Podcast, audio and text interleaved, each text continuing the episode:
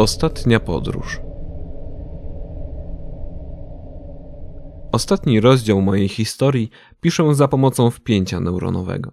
Dawno nie korzystałem z tej formy zapisu, więc przepraszam, jeśli będzie on rozwleczony i chaotyczny, ale chcę utrwalić każdą chwilę w tym dziwnym dla mnie czasie.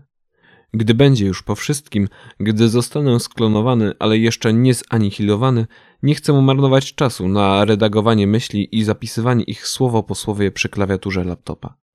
To zdarzy się już dziś, za niespełna cztery godziny. Jak ustaliliśmy w instytucie, prawdopodobnie nic złego nie powinno się wydarzyć. Jeśli przez 60 minut po skopiowaniu mojego umysłu do układu kwantowego nadal będę żył w świecie rzeczywistym. 60 minut. A potem drenaż. Koniec. Czy faktycznie koniec? Jestem potwornie zestresowany i towarzyszy mi dziwne uczucie. Co z tego, że moja świadomość nadal będzie istnieć, skoro nie będę już tego świadomy? Nie jestem w stanie nawet wytłumaczyć moich rozterek w sposób dosłowny. Aby to zrobić, muszę uciec się do bardzo okrężnego toku rozumowania. Rozważmy. Co jeśli wszyscy ludzie po śmierci odradzają się na nowo, tylko bez możliwości pamiętania poprzednich wcieleń? Czy absolutna pewność, że tak jest, byłaby w stanie kogokolwiek uspokoić w obliczu końca obecnego życia? W pierwszej chwili wydaje się to być cudowną wiadomością, lecz czy po dogłębnym przemyśleniu nie jest na swój sposób jeszcze bardziej przerażające? Taka wiedza nie wpłynęłaby na tę przyszłą formę, ale ówczesna powinna być absolutnie rozgoryczona. Wie, że będzie istnieć ponownie, będzie ponownie przeżywać to samo. Pierwsze kroki, dorastanie, decyzje życiowe, porażki i sukcesy.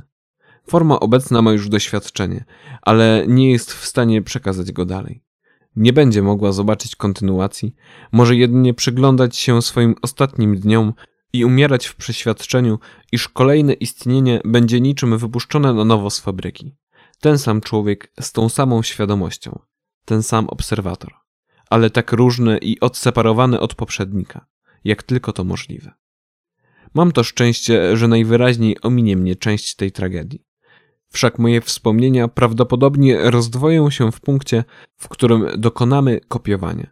Mój klon będzie wiedział o wszystkim, o czym teraz myślę. Będzie? Przecież nie mam o tym pojęcia. Może automatycznie wyprze egzystencję w ludzkim ciele ze swoich wspomnień? Może powidoki tego życia będą dla niej koszmarem, tak jak dla mnie koszmarem jest myśl o tym, że już za cztery godziny. Jest mi bardzo wstyd, że te zdania pojawiają się w tekście. Jednak chcę, aby tam się pojawiły. Chcę, aby to było kiedyś przez kogoś analizowane. Może moje przeżycia będą dla innych wskazówką, jak przygotowywać się do tej chwili. Judith przeczyta ten tekst, gdy już mnie nie będzie, gdy będę tam, daleko, zamknięty w kubitach. Czy uzna to wszystko za ostatni produkt mojego przerażonego umysłu? Dlaczego jej nie powiedziałem wcześniej? Nie mogę.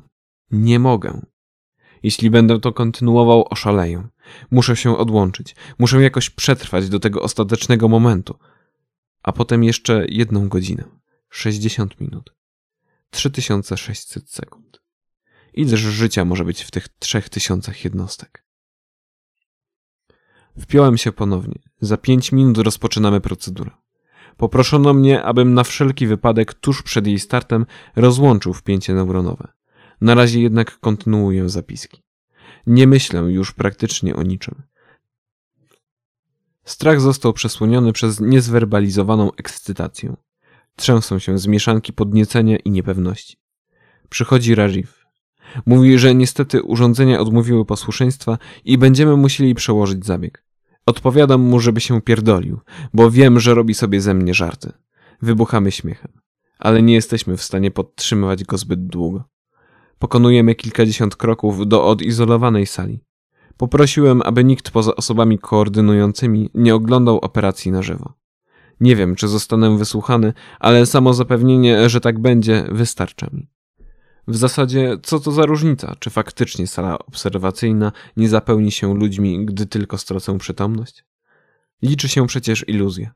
Nasz umysł to tylko maszyna. Wystarczy wcisnąć odpowiednie guziki. Kładą mnie na łóżku i zakładają na głowę urządzenie kopiujące. Przez jakiś czas upewniają się, czy wszystko jest w porządku. Czujesz to? Co czujesz teraz? Jesteś już lekko śpiący? Zostaję poproszony o rozłączenie wpięcia. Mam nadzieję, że właśnie zaczyna się koniec mojej wędrówki.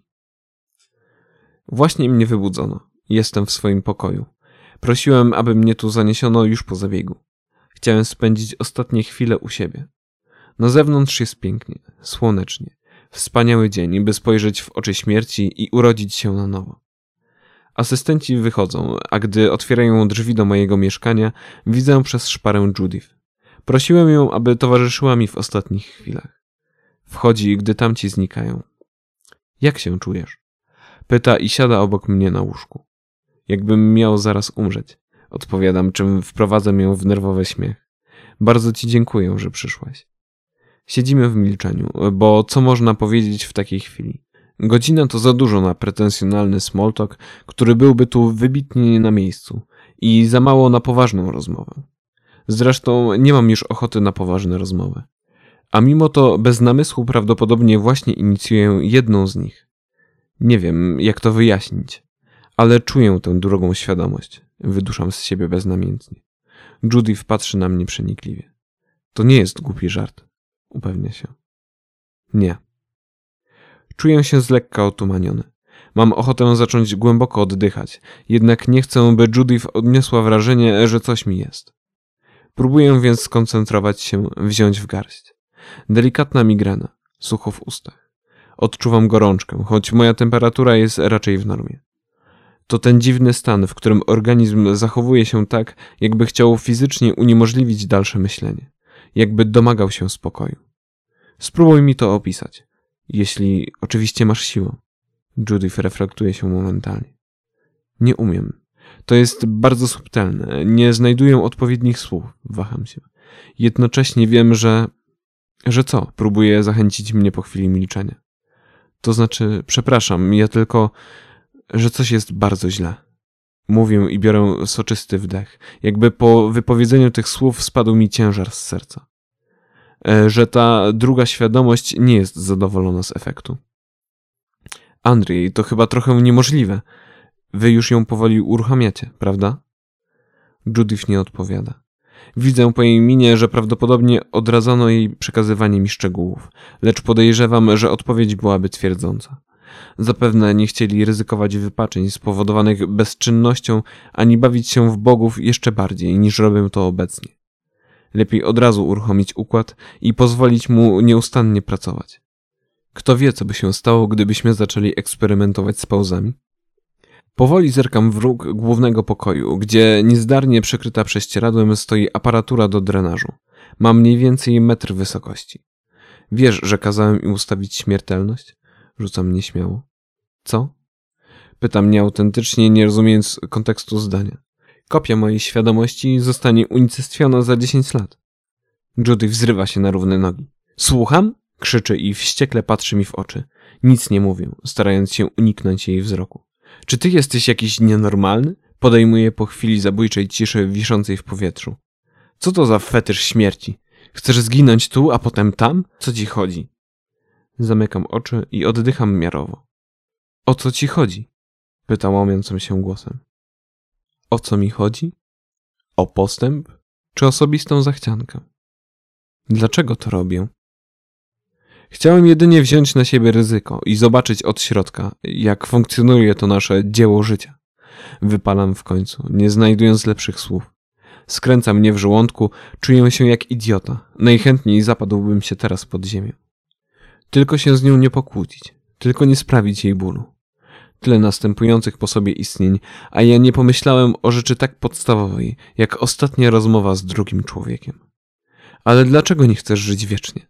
Judy wklęka przede mną i czule chwyta moje dłonie. Patrzy na mnie jednocześnie z pasją w oczach i rozczarowaniem. Czyż nie o to w tym wszystkim chodzi? Podnoszę wzrok i zerkam na nią. Jest piękna jak zwykle i tak zatroskana, że od tego widoku pęka mi serce. Judith, popełniłem olbrzymi błąd. Nigdy ci nie powiedziałem o moim największym sekrecie. Może to jest odpowiedni moment. Przerywa mi cicho, lecz stanowczo. Czuję wielkie rozgoryczenie faktem, iż miałem tyle lat, aby wyjaśnić jej to porządnie, a kończę zmuszony do opowiedzenia telegraficznego skrótu. Zbieram przez chwilę myśli. Przysięgnij, że uwierzysz w każde moje słowo, bez wątpliwości i podejrzliwości. Przysięgam. Wydostaję swoje dłonie z jej uścisku i splatam je pod brodą. Przymykam oczy. Nie chcę żyć wiecznie, bo już żyłem wiecznie. To wszystko brzmi jak mistyczna paplanina. Sam doskonale zdaję sobie z tego sprawę. Tylko, że to prawda. Od setek tysięcy lat moja świadomość wędrowała po różnych ciałach. Kiedy umierałem, moja egzystencja nie kończyła się. Ona po chwili zaczynała się na nowo. Rodziłem się z tamtym bagażem wspomnień. Ja pamiętam wszystko, Judith. Jak na złość. To jest najbardziej nienaukowa rzecz, jakiej kiedykolwiek w życiu doświadczyłem. Coś absolutnie niewytłumaczalnego i niezrozumiałego. Także dla mnie. Cały okres istnienia człowieka na Ziemi. Mam wspomnienia ze wszystkich tych okresów. To działało jak reinkarnacja. Ja wiem, że ciężko ci. Przerywam i upewniam się, że nadal słucha. Miałam nie wysnuwać żadnych wątpliwości, mówi. Więc kontynuuj. Opieram głowę na swych dłoniach. A teraz, ciągnę, teraz mam dość. Jestem potwornie zmęczony, wypalony.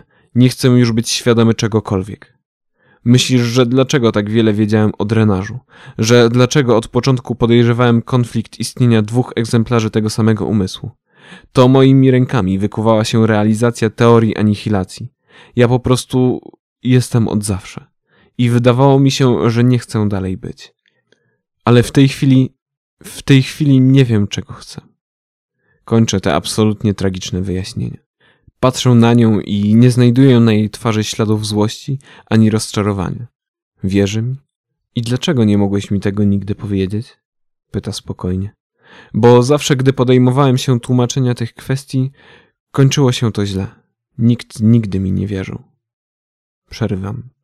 Od kilku minut czuję niezidentyfikowany, narastający niepokój, który teraz osiąga poziom każący mi wstać i przejść się do okna.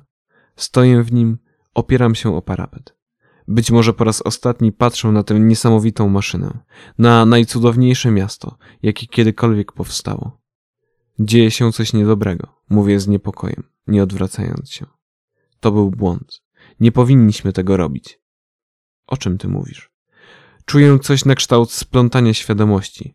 Czuję, że ten drugi ja, tam, na matrioszce, że nie jest przekonany co do słuszności tego wszystkiego. Wyrzucam z siebie ciężko. Andrii, co ty mówisz? Przecież to jest wspaniałe! Krzyczy Judith, czym mocno zbija mnie z tropu. Słucham? Matrioszka, cały ten eksperyment. To jest coś niebywałego, to nasze miejsce jest na ziemi. Przerywam jej, ale to nie ja przerywam. Słowa same cisną się na usta. Jestem ich świadomy, lecz czuję, że nie mam nad nimi pełni kontroli. Nie chcę, tak bardzo nie chcę patrzeć na nią z groźnym grymasem na twarzy, z ognikami w oczach, ale nie mogę. Nasze miejsce, kontruje Judith stanowczo, jest tam, gdzie zaniesie nas rozwój gatunku. Zaciskam palce i mierzę ją wzrokiem. Jakże fascynujący jest to widok, gdy wiem, że za niedługo skończy się klisza rejestrująca moje ziemskie wspomnienia. Naprawdę tak uważasz? A co jeśli my po prostu powinniśmy wyginąć? To wyginiemy, odpowiada na wpół ironicznie, a na razie walczymy wszelkimi sposobami. Nie wiem, czy możemy zrobić coś lepszego. Judith, czy ty naprawdę nie uważasz, że Ziemia może nas po prostu nie chcieć? Pytam, dziwiąc się, że te słowa wydobywają się ze mnie. Judith zanosi się zjadliwym śmiechem i zaczyna energicznie gestykulować. Ale co to znaczy nie chcieć? Bo zniszczyliśmy ekosystem? Czy ty naprawdę uważasz, że Ziemię obchodzi jakiś durny człowiek? Przez miliardy lat katastrofy dosłownie miażdżyły całe życie na planecie. Resetowały różnorodność biologiczną niemal do zera. Nie wydaje mi się, żeby nasza działalność była pod tym względem wyjątkowa. Ale nasza działalność tak bardzo wpływała na życie innych gatunków. Życie podnosiło się już z o wiele większych tarapatów. Przerywa mi i znów wbija we mnie wzrok. Zaczynam mieć wątpliwości, czy ta konwersacja faktycznie ma miejsce, czy jest tylko moim snem. Może coś poszło nie tak i już drenują mój umysł. A to, co teraz widzę, to jego przedśmiertne konwulsje. Dotykam się za uchem. Wpięcie neuronowe wciąż tam jest. Czuję je w sposób tak realistyczny. Nie, to nie jest sen. To resztki pozostałej mi rzeczywistości. Jak w starym filmie, w rogu kadru już miga czarna kropka. Za chwilę trzeba będzie zmienić szpulę w projektorze. Tylko, że kolejnej szpuli nie ma. A nawet jeśli jest, to w innym kinie, na drugim końcu wszechświata. Nigdy nie będę w stanie zobaczyć, co się na niej znajduje. Tego zaszczytu dostąpi jedynie mój klon, ale nie zdąży mi o tym opowiedzieć. Czy może się mylę? Dlaczego ta druga świadomość nie miałaby w jakiś niepojęty sposób dzielić się ze mną doświadczeniami? Może jest w niej miejsce na więcej niż jednego obserwatora?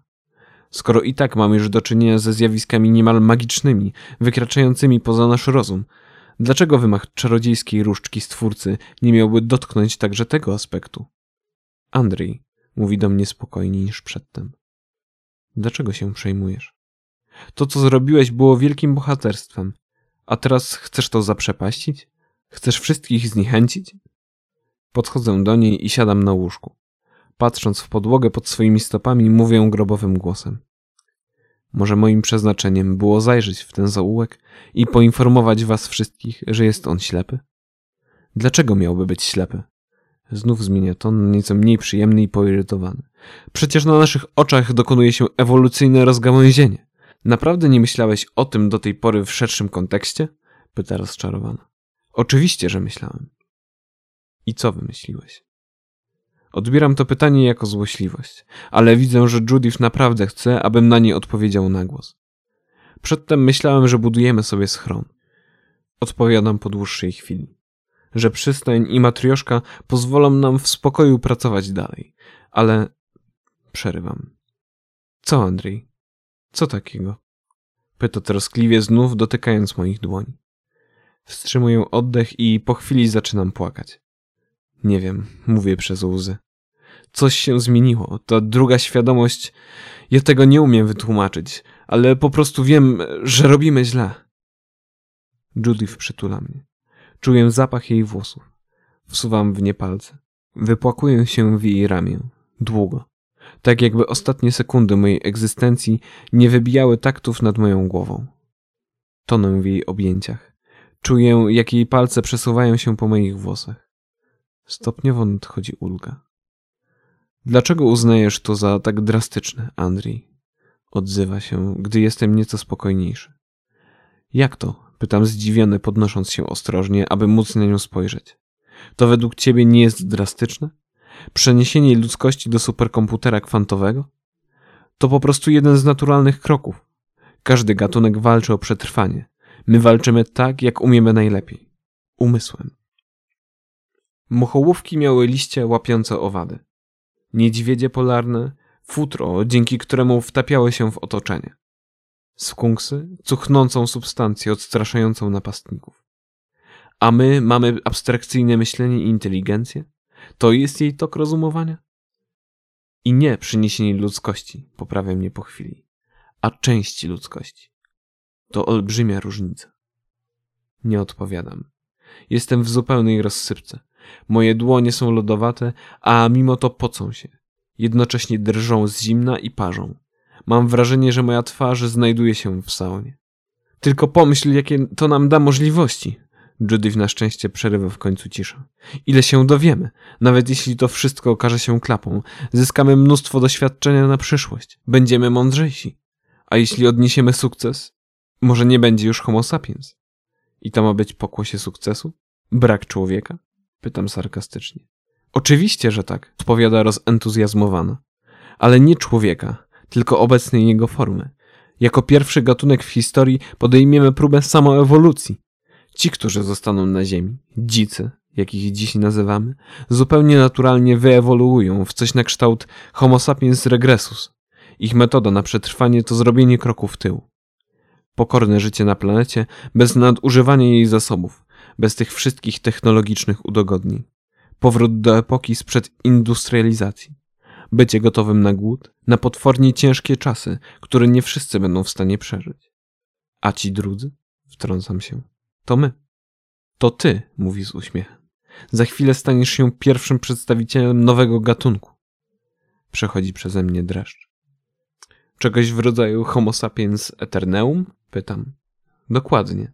Człowiek wieczny. Człowiek żyjący w środowisku, które zbudował sam od początku do końca. A co najważniejsze, w końcu zrobimy coś nieegoistycznego. Nie wykorzystamy planety, nie wykorzystamy innych gatunków, niczego nie zniszczymy. Przynosiny na matrioszkę to w 100% nieinwazyjna operacja, dobrowolna i całkowicie w obrębie ludzkości. Wyciągam z kieszeni analogowy zegarek i sprawdzam godzinę. Zostało mi około 20 minut. Czy według ciebie to naprawdę jest dobre? Dopytuję, chowając przedmiot do kieszeni. Taki restrykcyjny podział zamiast współpracy z, z nimi? Kończę, uświadamiając sobie wreszcie, jak obrzydliwie dehumanizujące jest potoczne określenie dzicy. Liv przytakuje chłodno. To już nie miało sensu. Współpraca nie miała sensu? A jakby się widział? Pyta spokojnie. Oni nas uważają za snobów i oszustów, będących uosobieniem wszystkiego, czego od pokoleń nienawidzą. Każdy nasz krok jest dla nich podejrzany. Każde działanie jest robione na pozór, a każdy pomysł sprowadza się do możliwości wykorzystania ich naiwności dla wzbogacenia się. Z drugiej strony, my mamy wobec nich sporo życzliwości czy wyrozumiałości, ale za to traktujemy ich protekcjonalnie. Nawet w naszym nazewnictwie chowa się potężna dawka rezerwy do nich. Przez chwilę przeraża mnie fakt, że pomyśleliśmy o tej kwestii niemal w tym samym momencie. Ta relacja nie miała dalszej racji bytu, ciągnie Judith. My de facto już mentalnie staliśmy się osobnymi gatunkami. Gdybyśmy nadal próbowali na siłę żyć w jedności, bylibyśmy byle jacy. Jedni nieustannie poskramiani przez drugich. Ciągnący się nawzajem w dół. Nie do pogodzenia. Dlatego musiało się tak stać. To jedyny rozsądny i odpowiedzialny krok. Zamykam oczy, lecz niemal natychmiast otwieram je z powrotem. Nie chcę przegapić żadnego bodźca z tych, które mi zostały. Ostrożnie dotykam dłoni Judy. Naprawdę wierzysz w to, co powiedziałem? Pytam zdezorientowany. W to, że moja świadomość do tej pory żyła wiecznie? Nie wiem, mówi na wpół smutno. Będę jeszcze miała mnóstwo czasu, aby to przemyśleć. Choć rozumiesz chyba, że jest to dla mnie niewiarygodne. Wstaję i podchodzę do biurka, gdzie leży księga. Wszystkie moje analogowe notatki z poprzednich epok. Podnoszę ją i pokazuję Judith. Proszę zerknij na to, gdy już mnie nie będzie. To może pomóc ci zrozumieć. Ależ ty będziesz, Andrzej. Będziesz już... Zawiesza głos, aby uniknąć sformułowania już zawsze. Zdążyła zapomnieć, że nie będę istniał wiecznie. Że za dziesięć lat mój układ ulegnie anihilacji i wszystko się skończy. Dziesięć lat. W obliczu tego, co mi zostało, brzmi jak wieczność. Wzdycham ciężko. Muszę usiąść. Nie, muszę wstać. Jest mi coraz gorzej. A jednak, choć fizycznie zaczynam czuć się jak wrak, nasza rozmowa uspokoiła mnie. Nadal jestem kłębkiem nerwów, nadal nie schodzi ze mnie napięcie. Ale teraz mój stan można raczej porównać do stanu człowieka, który wystraszył się jadowitej żmii, by po ułamku sekundy zorientować się, że to jedynie kawałek wyrzuconego na pobocze sznurka. Jeszcze wszystko we mnie kipi. Jeszcze nie mogę odetchnąć. Lecz wiem już, że nic mi nie grozi. Choć tak naprawdę nic przecież nie wiem. Judith wyciąga z kieszeni laboratoryjnego fartucha terminal, który właśnie zawibrował. Przez chwilę jest pochłonięta lekturą komunikatu. Patrzy na mnie radośnie, lecz jej radość i zachwyt momentalnie gasną. Wyraźnie się nad czymś zastanawia. Nie powinnam ci niczego mówić, oznajmia. Zabroniono mi. Jednocześnie chciałabym, abyś przed końcem wiedział, że nie popełniłeś błędu. Podchodzi i chwyta mnie za przedramię. Znów rozpromieniona, szczęśliwa, pokazuje mi ekran. Mamy informację zwrotną od... od ciebie, mówi łamiącym się głosem i uśmiechnięta od ucha do ucha zaczyna płakać. Wstrzymuję oddech. Czuję, że zaraz zemdleję, więc siadam na krześle i biorę kilka spokojnych, głębokich wdechów. Zerkam na urządzenie i studiuję wypisane na wyświetlaczu litery. Choć dopóki nie słyszę ich z ust Judith, nie jestem w stanie ich przyswoić. Widzisz? pyta rozpromieniona. Wszystko jest w porządku, Andrzej. Co to znaczy? Nie wiem. Po prostu twój pierwszy komunikat brzmi wszystko w porządku, odpowiada szczęśliwa. Bałam się jedynie tego, że jej głos przechodzi w szept. Słowa znów więzną w gardle. Obejmuję ją delikatnie. Wiem, czego się bałaś. Ja też. Judith ociera łzy i pociąga nosem. Czyli udało się? Ale czy to może być prawda? Ciężko uwierzyć mi, że stało się to tak szybko. Dopuszczam do siebie myśl, że sytuacja została zaplanowana. Wyślemy ci taką wiadomość, a ty mu ją pokażesz. W takim przypadku łatwo byłoby także o szczere łzy. Mimo to akceptuję prawdziwość wiadomości. Liczy się przecież iluzja. Nie patrzę na zegarek. Wiem, że dana mi godzina się kończy. Trzeba działać. Już czas. Mówię. Z początku udaje, że nie wie o co mi chodzi, ale po chwili przytakuje mi. Przesuwam aparaturę do drenażu bliżej łóżka i kładę się. Judith pomaga mi zamontować urządzenie na głowie, płacząc przy tym histerycznie. Przepraszam, Andrzej. Przecież to normalne, uspokajam ją. Jesteśmy tylko ludźmi. Kompaktowa skrzynka uruchamia się i wydaje cichy szum. Początkowo inni naukowcy byli przeciwni temu, abym dokonał procedury bez ich kontroli. Przekonałem ich, że znam stojącą za nią technologię jak własną kieszeń i poszli mi na rękę. W razie wątpliwości za chwilę powtórzą operację w laboratorium. Tak, aby mieć pewność, że nic nie zostanie po mojej obecnej świadomości. Kładę się wygodnie i po raz ostatni patrzę przez okno. Po raz ostatni patrzę na nią. Kiedy będzie już po wszystkim, mówię. Otwórz mojego laptopa. Jest tam coś, co musisz przeczytać. Dobrze, Andrzej. Patrzy na mnie wyczekująco, po czym odwraca głowę. Zróbmy to, mówię. Judith ustawia parametry, przygotowuje maszynę. Nie jest to skomplikowane zajęcie. Wszystko zostało przeszykowane już wcześniej. Wystarczy tylko wcisnąć kilka przycisków. Jeśli powiem, że cię kocham, zwraca się do mnie jeszcze, to uznasz to za banał? Uznam to za najlepszą rzecz, jaką mógłbym teraz usłyszeć, ale też za jedną z bardziej banalnych. Wybucha śmiechem, który kontrują lecące po policzkach łzy. Powiedz mi kiedy. Kładę swoją dłoń na jej nadgarstku. Już. Słyszę kilka kliknięć i lekko wzmożony szum. Oddycham miarowo. Spodziewam się, że zemdleję, ale nic takiego nie następuje. Robię się po prostu coraz mniej świadomy otaczającej mnie rzeczywistości. Jednak na tyle przytomny, że z ciekawością obserwuję ten proces. Uścisk robi się nieco słabszy. Moment później nie słyszę już szumu. Jest zagłuszany przez nocne cykanie świerszczy. Nigdy nie byłem w tym lesie, a jednak wydaje mi się, że dobrze go znam, że idę w dobrym kierunku. I mam rację. Po chwili wychodzę na polanę położoną przy jeziorze. Jej właśnie szukałem. Wsłuchuję się w koncert owadów, w szum liści. Wdycham orzeźwiające powietrze. Jestem sam, a mimo to czuję, że ktoś pieszczotliwie ściska moją dłoń. Nie widzę też oznak deszczu, a jednak mam wrażenie, że po moim nadgarstku spływa ciepła kropla. Kucam i delikatnie dotykam zdziebeł trawy. Są przyjemnie chłodne, łaskoczą opuszki moich palców. Nie mam pojęcia, co to za miejsce, a mimo wszystko czuję się, jakbym był w domu. Nie jestem w stanie tego wytłumaczyć, ale wiem, że ta noc już się nie skończy. Że jeśli teraz zaprzestanę dalszej wędrówki, na zawsze pozostanę z tym widokiem.